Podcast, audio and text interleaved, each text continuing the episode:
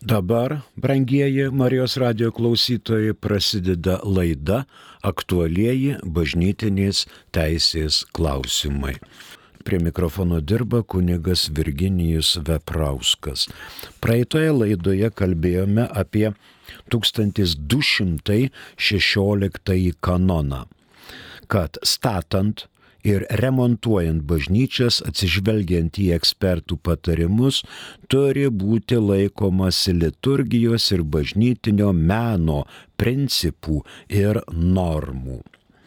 Žodžiu, kalbėjom apie tai, kad vyskupas nenurodo, kaip statyti bažnyčią, bet stebi krikščioniškos tradicijos atitikimą yra trys turbūt mentelės.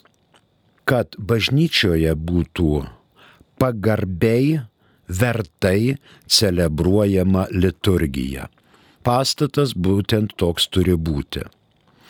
Toliau siekti aktyvaus tikinčiųjų dalyvavimo, kad tame pastate, toje bažnyčioje būtų aktyvus tikinčiųjų dalyvavimas.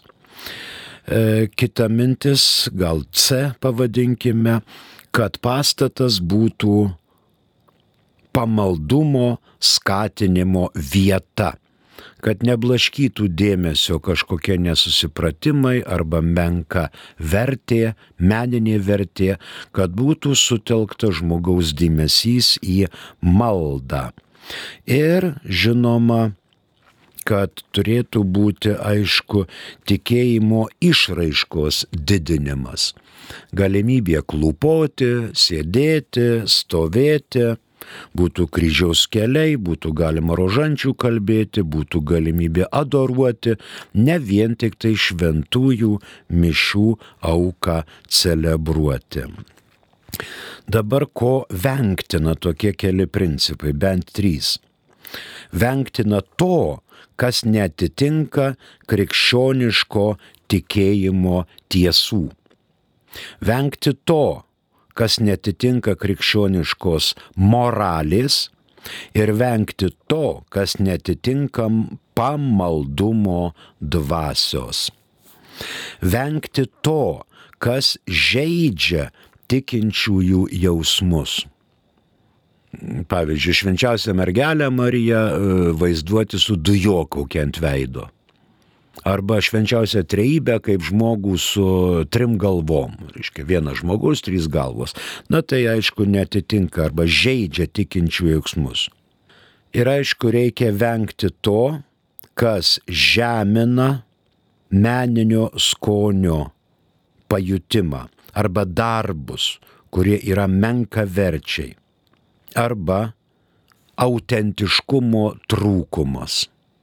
Žinoma, visuomet galima bažnyčioje daryti, tarkim, parodas, vaikų parodas.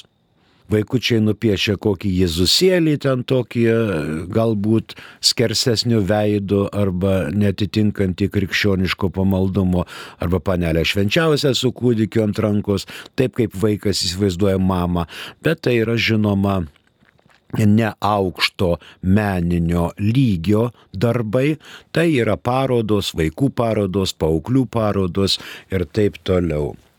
Ir taip toliau. Šitie darbai turėtų būti dar toleruojami. Tai 1216 kanone būtų tiek, rytų kanonuose šitos atitikmens 1216 kanonui nėra. Fiksuojam.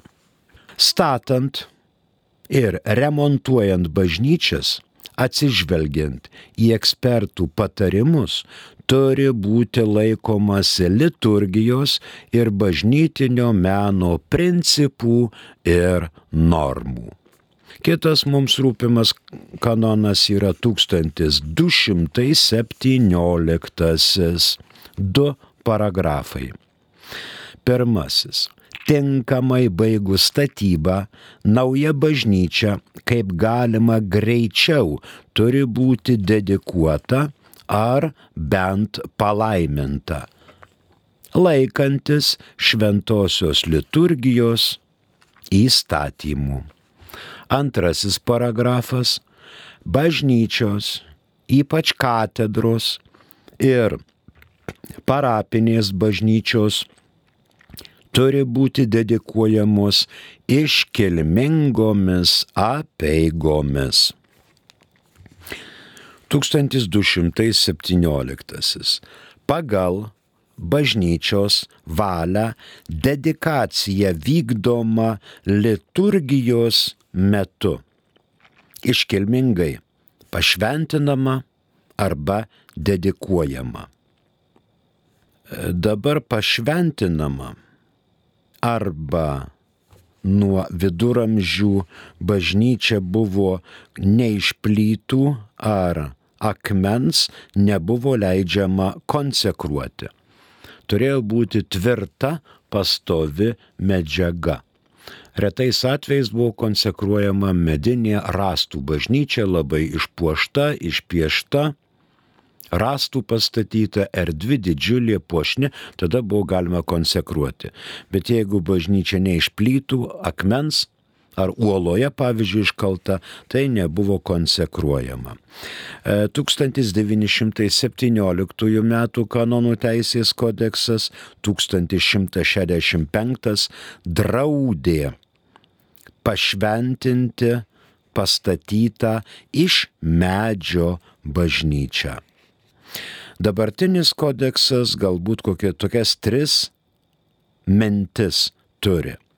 Pirmoji visos bažnyčios privalo būti dedikuotos, taip sakant, konsekruotos arba bent pašventintos. Čia į pagalbą ateina 1205 kanonas. Šventosios vietos yra tos, kurios skiriamos dieviškajam kultui arba tikinčiųjų laidojimui, dedikavimo ar palaiminimu, kurį nurodo liturginės knygos. Toliau, antra mintis. Katedros ir parapinės bažnyčios, kad būtų šventinamos iškilmingai, žodžiu, dedikuojamos. Kitos bažnyčios pagal reikalavimus yra tik tai palaimintos šios, kurios yra palaimintos, vėliau gali būti ir dedikuotos, jei atsiranda poreikis. Pavyzdžiui, buvo bažnyčia, kuri buvo palaiminta. Vėliau vyskupo sprendimu šita paprasta bažnyčia tampa parapinė bažnyčia. Tada jau jinai yra dedikuojama arba popiežius teigia naują vyskupiją ir atsiranda poreikis tą bažnyčią skelbti katedrą, o jinai prieš tai buvo tik palaiminta. Kai jau popiežius skelbia viskupijos katedrą, tą ar kitą bažnyčią, jau tada ji yra dedikuojama. Trečia mintis. Visas liturgijos šventimas vyksta pagal liturginės knygas. Ne kaip nors, bet pagal liturginės knygas. Vietos viskupų konferencija leidžia modifikuoti arba vietos vyskupui pritaikyti apeigas pagal specialius poreikius. Tarkim, atsiranda poreikis pašventinti bažnyčią kariniai įgulai. Arba jūreiviams, jūrų reikalams arba aviatoriams. Tai gali būti šiokia tokia specifika ir vietos vyskupų konferencija, vietos vyskupui gali leisti šiek tiek liturgiją ir modifikuoti pagal specialius poreikius. Dar viena mintis, jeigu bažnyčioje, šitam pastate nėra altoriaus, bažnyčia nešventinama. Antraip, kam jinai reikalinga. Tai bus tik tai paprasta salė. Altorius turi būti arba kilnojamas, arba pastovus, sujungtas su pagrindu. Gali būti ir išnešamas arba atnešamas altorius. Tarkim, bažnyčia dalinasi, kaip katalytuje, pravoslavai ir katalikai.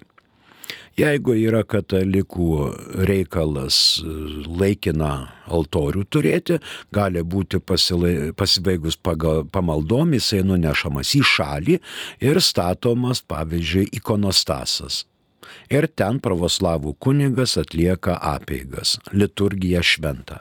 Jeigu nėra reikalo, gali būti katalikų bažnyčiai pastovus altorius, kuris yra nejudamas ir nenešiojamas, o šalia kairė ir dešiniai navoje yra pastatomas ikonostasas, kur meldžiasi pravoslavų bendruomenė, aišku, vyskupui leidus ir vienam ir kitam, ir čia vykdoma eucharistinė auka, šventoji liturgija, pravoslavų apieigomis arba rytų apieigų e, normomis, liturginiais rubrais.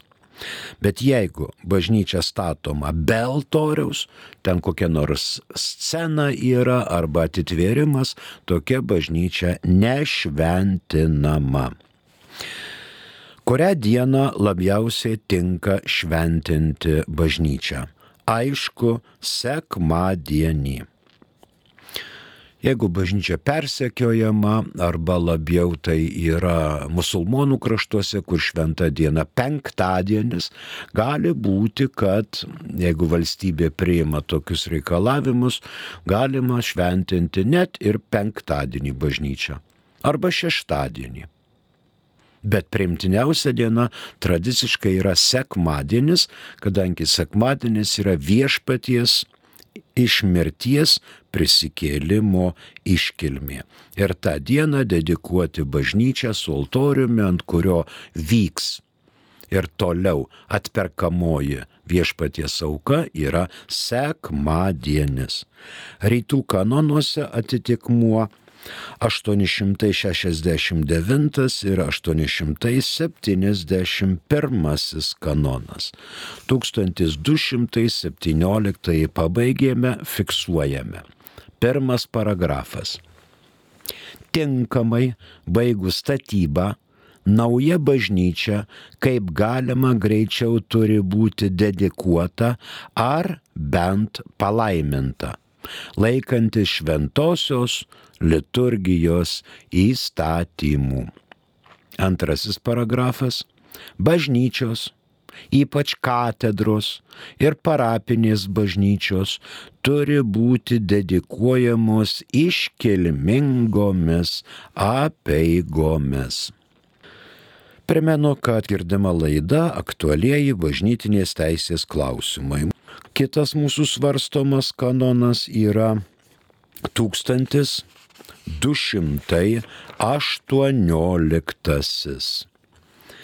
Teisėtai kiekviena bažnyčia privalo turėti savo titulą, kuris po bažnyčios dedikavimo negali būti pakeistas. Titulas bažnyčiai skiriamas pagal seną tradiciją kad ši bažnyčia skirtųsi nuo kitos bažnyčios. Viena maža, kita didelė, viena aukšta, kita žema, viena katakombose Rusija, kita ant kalno pastatyta ir kad, pavyzdžiui, panevežyje, vat, einam į kokią bažnyčią, į raudoną ir visi žino, kad tai yra raudona bažnyčia kuo, skir, kuo jinai skiriasi nuo katedros ar nuo baltos, visi panevežėčiai šitą žino. Mes einam į raudoną, pavyzdžiui, bažnyčią. O bažnyciškai žiūrint, kiekviena bažnyčia privalo turėti savo titulą savo konkretų titulą, kuris jai suteikiamas pašventinus kertinį akmenį, po kertinio akmens dar galima keisti titulą, tačiau tik esant svarbiai priežasčiai. Dabar kokie gali būti titulai? Titulai gali būti, kad ir švenčiausiosios trejybės, dieviškųjų asmenų šventos dvasios. Pavyzdžiui, Vilniuje šventosios dvasios titulo bažnyčia. Jėzaus širdies Švenčiausios mergelės Marijos titulai. Dangaus karalienė, rožinio karalienė, šeimų karalienė. Visokie titulai gali būti pagal lauretaniškąją litaniją. Apaštalų titulai. Ir šventieji, kurie yra įrašyti Romos martirologijoje arba Romos martirologijos prieduose esantys. Gali būti angelų titulo, pavyzdžiui, angelų sargų bažnyčia archangelų ir visi kiti titulai.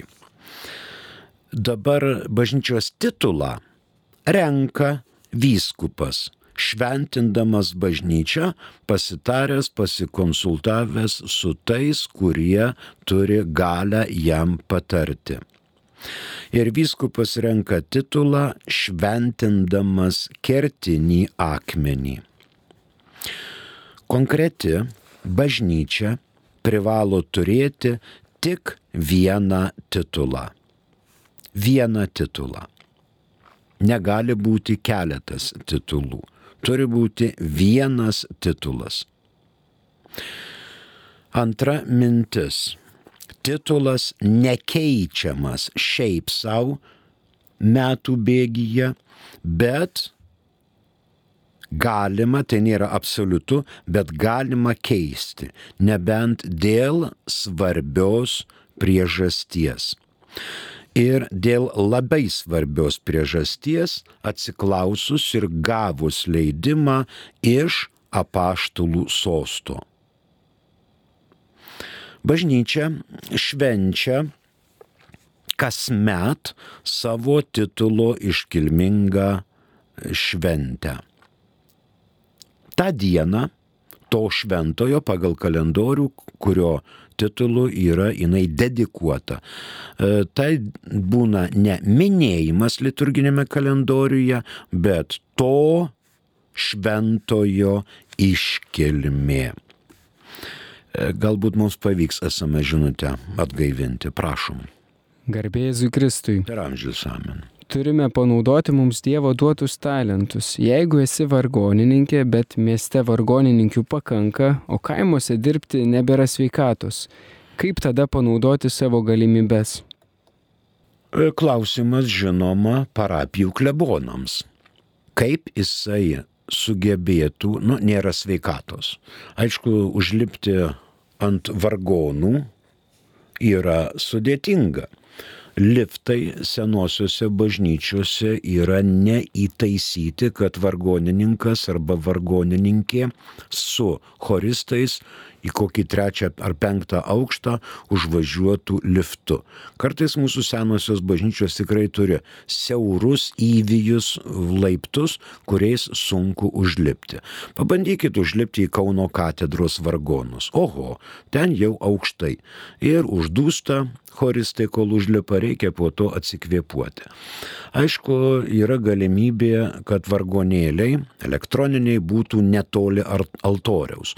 Tada gali vargoninkė ar vargonininkas ateiti ir su choru atlikti liturginės giesmės, puošti Eucharistinę liturgiją nu, tokiu būdu arti altoriaus. Tai dažniausiai būna turbūt šventės, iškilmės, šeštadieniai, sekmadieniai, įsakytos privalomos šventės. Reikia derinti šiuos klausimus su vietos klebonu. Gražu, kad yra norinčių atlikti liturgijos puošimą vargonais. Čia jau reikia tikrai kalbėti su klebonais, derinti sąlygas, derinti atlyginimą, derinti kompetenciją, pavyzdžiui, nori vargonininkė vargonauti, jau jinai moka groti tik tai šuniukų valsą. Tai šuniukų valsas nėra tas kūrinys, kurį galima groti per visas mišes.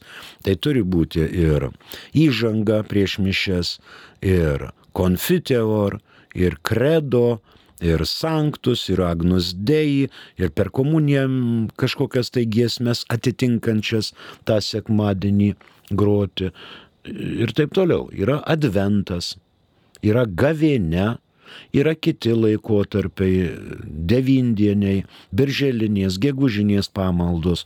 Va dabar vyksta birželinės. Jėzaus širdies litanija, po to spalio mėnesį bus rožančiaus kalbėjimas. Reikia derinti jūsų norus su parapija ir su parapijos galimybėmis. Jeigu bažnyčia parapija išlaiko kleboną, yra labai gerai. Tada reikia klausti, ar parapija išlaikytų zakristijoną, horizontaliųjų paviršių prižiūrėtojus, vargonininkę. Ir tada klebonas pasižiūri į savo parapijos įplaukas arba pajamas ir žiūri, kiek jis gali duoti išlaidų būtent šitiems dalykams. Kalbėkitės su parapijų klebonais. Ačiū už klausimą. Gal dar turime? Ne, neturime. Dabar toliau 1218. Kalbam apie tai, kad kiekviena bažnyčia privalo turėti tik tai vieno šventojo titulą. Tačiau yra išimtys. Visuomet leidžiama bažnyčią dedikuoti, kad ir kelių asmenų vardu. Pavyzdžiui, švenčiausios trejybės. Švenčiausioji trejybė yra trys asmenys vienas Dievas, tačiau trys asmenys - tėvas, sūnus ir šventoji dvasia. Tai jau trijų asmenų, bet vienu vardu tai vadinasi švenčiausioji trejybė.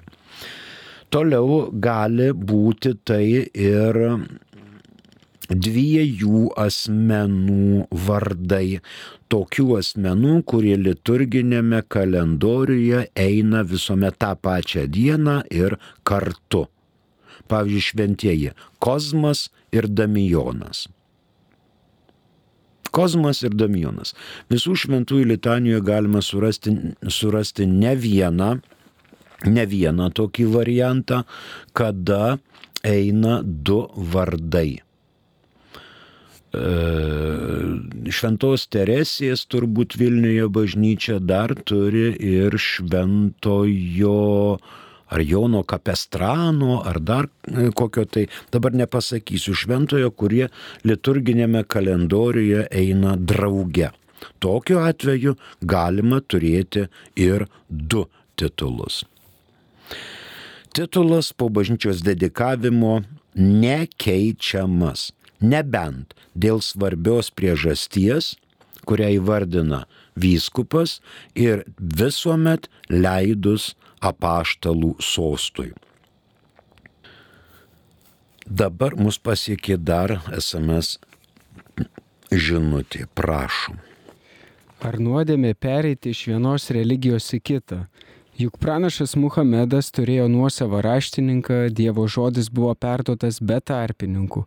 Gal Koranas ir yra tikrasis šventraštis? Gal, bet kad Koranas yra tikrasis šventraštis, šitas teiginys neišlaiko kritikos. Mes turime Senąjį testamentą, tai yra monoteistinės religijos paveldas. Nuo pat pasaulio sukūrimo mus lydi Senas testamentas, kurio kiekviena eilutė byloja apie tai, kad ateis atpirkėjas. O Koranas, kažkai, kokiam gal šeštam amžiuje parašytas. Bet Korane yra netiesioginių liudijimų ir apie Jėzų Kristų reiškia krikščionių bendruomenė tiek buvo stipri, kad jau ir Korane yra paminėta, jog Jėzus Kristus yra mergelės sūnus. Šeštas amžius po Kristaus gimimo. Tai mes turim ankstesnę Bibliją, Seną ir Naują testamentą. Jau šeštam amžiui buvo visa Biblija susiformavusi beveik galutinai.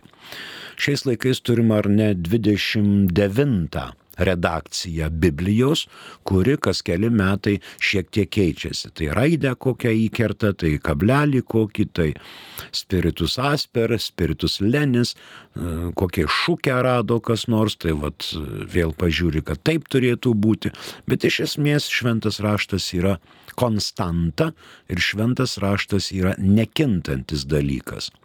Koranas irgi nekintantis dalykas, bet e, Mahometas pranašas ir neturėjo tarpininkų. O Jėzus Kristus yra vienintelis tarpininkas tarp Dievo ir žmogaus. Ir jis neliepė užrašinėti jo žodžių, jo citatų, jo mokymų. Būtų galima ir toliau taip gyventi, tačiau pradėjo krikščionys užrašinėti, kad nepasimirštų. Ir Naujas testamentas suformuotas yra iki pirmojo amžiaus pabaigos. Gal ten šiek tiek įžengė šventas evangelistas Jonas ir į antrą amžių ten 1102-104 metai, vad kažkaip taip bet faktiškai pirmam amžiuje jau galtinai susiformavo ir mes tikime, kad tai yra apreikštas Dievo žodis ir mes šito laikomės. Visą Bibliją mes laikome įkvėptų Dievo žodžiu. Ir apreiškima Jonui, ir giesmių giesmę, ir pradžios giesmę, ir pradžios knygą. Matot, Visi kiti tai imperatyviai rašo, ką žmogus privalo daryti Dievui ten. Taip, anaip šitaip. O Biblija visų pirma nurodo ne ką žmogus turi daryti, bet ką Dievas padarė dėl žmogaus. Ir dėl to žmogus atsiliepdamas į Dievo valią sukurtas į Dievo paveikslą ir panašumą, jis pats priima šitą dekalogą ir stengiasi gyventi pagal dešimt Dievo įsakymų ir pagal savo teisingai suformuotą sąžinę. Tai toks būtų atsakymas dėl Korano. Mes krikščionys tikime, kad Koranas šventa knyga musulmonams yra, o mums šventa knyga yra, aišku, ir savaime suprantama Biblija. Dabar, kai mm, musulmonų šventyklą šventina, tai irgi pastačius broliai musulmonai tikrai leidžia užeiti į savo šventyklą prieš pašventinimą. Gali irgi žmonės malstauti, žiūrėti architektūrą, tengi dirbo darbininkai ir tikintys ir netikintys, ir krikščionys, ir galbūt musulmonai, ir kitų išpažinėjų asmenys. Tai kol pastatas nėra dedikuotas, tol galima eiti visiems apžiūrinėti kaip muziejų kaip išpuošta ir taip toliau. Kai jau musulmonų šventovė yra dedikuojama, tada jau ten lankosi vien tik tai tikrojo išpažinėjo mm, Allaho išpažinėjo broliai musulmonai. Ir kitatikiam ten nėra ko, reiškia, landžioti, nes nemokėsim elgtis ir būsim kaip musė iš barščių išmesti. Na, o dabar toliau prie 1218 kanono. Titulas suteikiamas šventoviai ir tik tai šventųjų rangą turinčių asmenų garbiai. Tik šventųjų rangą turinčiai, e, turintiems asmenims. Palaimintieji nededikuojami. Pavyzdžiui, Merkelis Gedraitis, palaimintasis. Pavyzdžiui, palaimintasis Teofilius Matuljonis. Palaimintasis Jurgis Matulaitis yra palaimintieji. Jiems nėra bažnyčios dedikuojamos normaliai. Nors galima. Ir tik tai gavus apaštalų sosto leidimą tik tai su leidimu. Toj viskupijoje, pavyzdžiui, tam krašte, kur tas šventasis labai, ar palaimintasis labai gerbiamas. Nėra pagrindo prašyti kad būtų palaimintojo titulu dedikuojama bažnyčia, kai jisai paskelbiamas palaimintuoju ir įrašomas į tos viskupijos liturginį kalendorių. Jis yra švenčiamas. Bet jeigu viskupas nori po paskelbimo ir po įrašymo į kalendorių dedikuoti bažnyčią palaimintojo vardu, jis surenka krūvą popierių, daro bylutę ir siunčia paštalų sostui prašydamas, kad leistų šito palaimintojo vardu dedikuoti bažnyčią. Tai yra įmanoma, bet tam reikia apaštalų sostų leidimą. Sekanti mintis prie 1218 jei bažnyčia yra jau pašventinta, titulas nekeičiamas, aišku, be specialaus apaštalų sosto indulto ir esant tikrai svarbiai priežasčiai. Dėl ko? Kaip jau minėjau, pavyzdžiui, yra bažnyčia skirta šventai dvasiai. O bendruomeniai nori e, skirti titulą Šventas Stanislovas. Šventa dvasia tai kažkas lyg tai nelabai apibriešto, sunku suvokti, ten mm, šventa dvasia pučia kur nori ir labai labai, o vad Stanislavas yra mums labai svarbus ir mes norim šventos dvasios bažnyčios titulą keisti į šventų Stanislavų. Ir gali viskupas sugalvoti, rašom paštlų sostui, surenkam parašus, šventenybę norim keisti. Na, aišku, Dievo kulto ir šventų sakramentų kongregacija gali rašyti taip. Brangenybės. Šventa dvasia yra aukščiausio rango asmuo. Ir į žmogišką titulą, į šventai niekas nekeičia, nes predestinacijos lentelėje šventoji dvasia stovi aukščiau už šventą Stanislovą. Jeigu būtų švento Stanislovo bažnyčia ir ją norėtų paskelbti šventosios dvasios, dar tai įmanoma, nes predestinacijos lentelėje tai būtų aukštesnis lygmuo. Ir galbūt apaštalų sostas išklausęs visus argumentus leistų pakeisti. Bet ne atvirkščiai. Ir kaip minėjau, esant svarbiai priežasčiai. Kodėl? Kodėl? Na ir paskutinė mintis prie 1218-ojo. Vyskupas gali dėl svarbios priežasties leisti bažnyčios titulą keisti, jei bažnyčia yra tik tai pal, palaiminta. Tik tai palaiminta. Tai prieš dedikuodamas jis gali keisti bažnyčios titulą. Tai yra jo kompetencija. O jeigu bažnyčia yra dedikuota, jau be paštalo sosto jis keisti titulo negali. Ir žinoma, apsvarstęs visas aplinkybės. Kodėl? Dėl kokios priežasties tai turėtų būti. Na tai prie 1218 kanono tiek žinių. Rytų kanonuose atitikmens 1218 jam nėra. Fiksuojam, kiekviena bažnyčia privalo turėti savo titulą, kuris po bažnyčios dedikavimo negali būti pakeistas. Tokia absoliuti mintis, bet išimčių visuomet yra ir tą titulą gali sudaryti keletas asmenų atskirų atvejų ir atskirų atvejų gali bažnyčios titulas būti keičiamas, bet tam reikia vyskupo prašymų. Jei bažnyčia tik palaiminta, prieš dedikavimą jinai gali būti keičiama, o jeigu jinai yra dedikuota be paštalų sosto indulto, bažnyčios titulas nekeičiamas. Ir aišku, joks vyskupas nenori turėti daug reikalų su nunciatūra, su, su kongregacija, kad jie ten nepaga, nepradėtų mąstyti, kad vyskupas šiek tiek, reiškia, yra paplaukęs ir norėtų čia kažkokiu tai nesąmonių. Buvo bažnyčia vieno titulo, dabar reikia keisti. Kam to reikia. Jeigu atsiranda labai svarbios priežastys, prašau.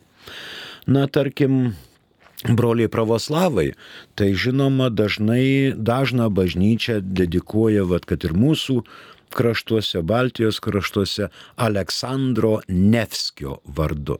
Aleksandras Nevskis buvo, aišku, karžygys, užkariautojas ir labai daugelie vietų yra bažnyčia tituluojama Aleksandro Nevskio vardu. Na, gal tu tokia vat ekspansija tiesiog užtvirtinant ir švenčiat. Pavyzdžiui, dar yra e, Mindaugo, mūsų karaliaus Mindaugo žudikas, Daumantas. Rusiškai jis yra Dovmant.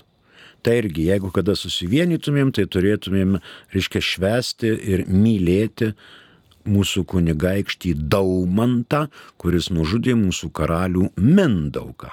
Dovmant. Va, šventasis Daumantas yra gerbiamas šventasis ir jį mes gerbėme ir mylime.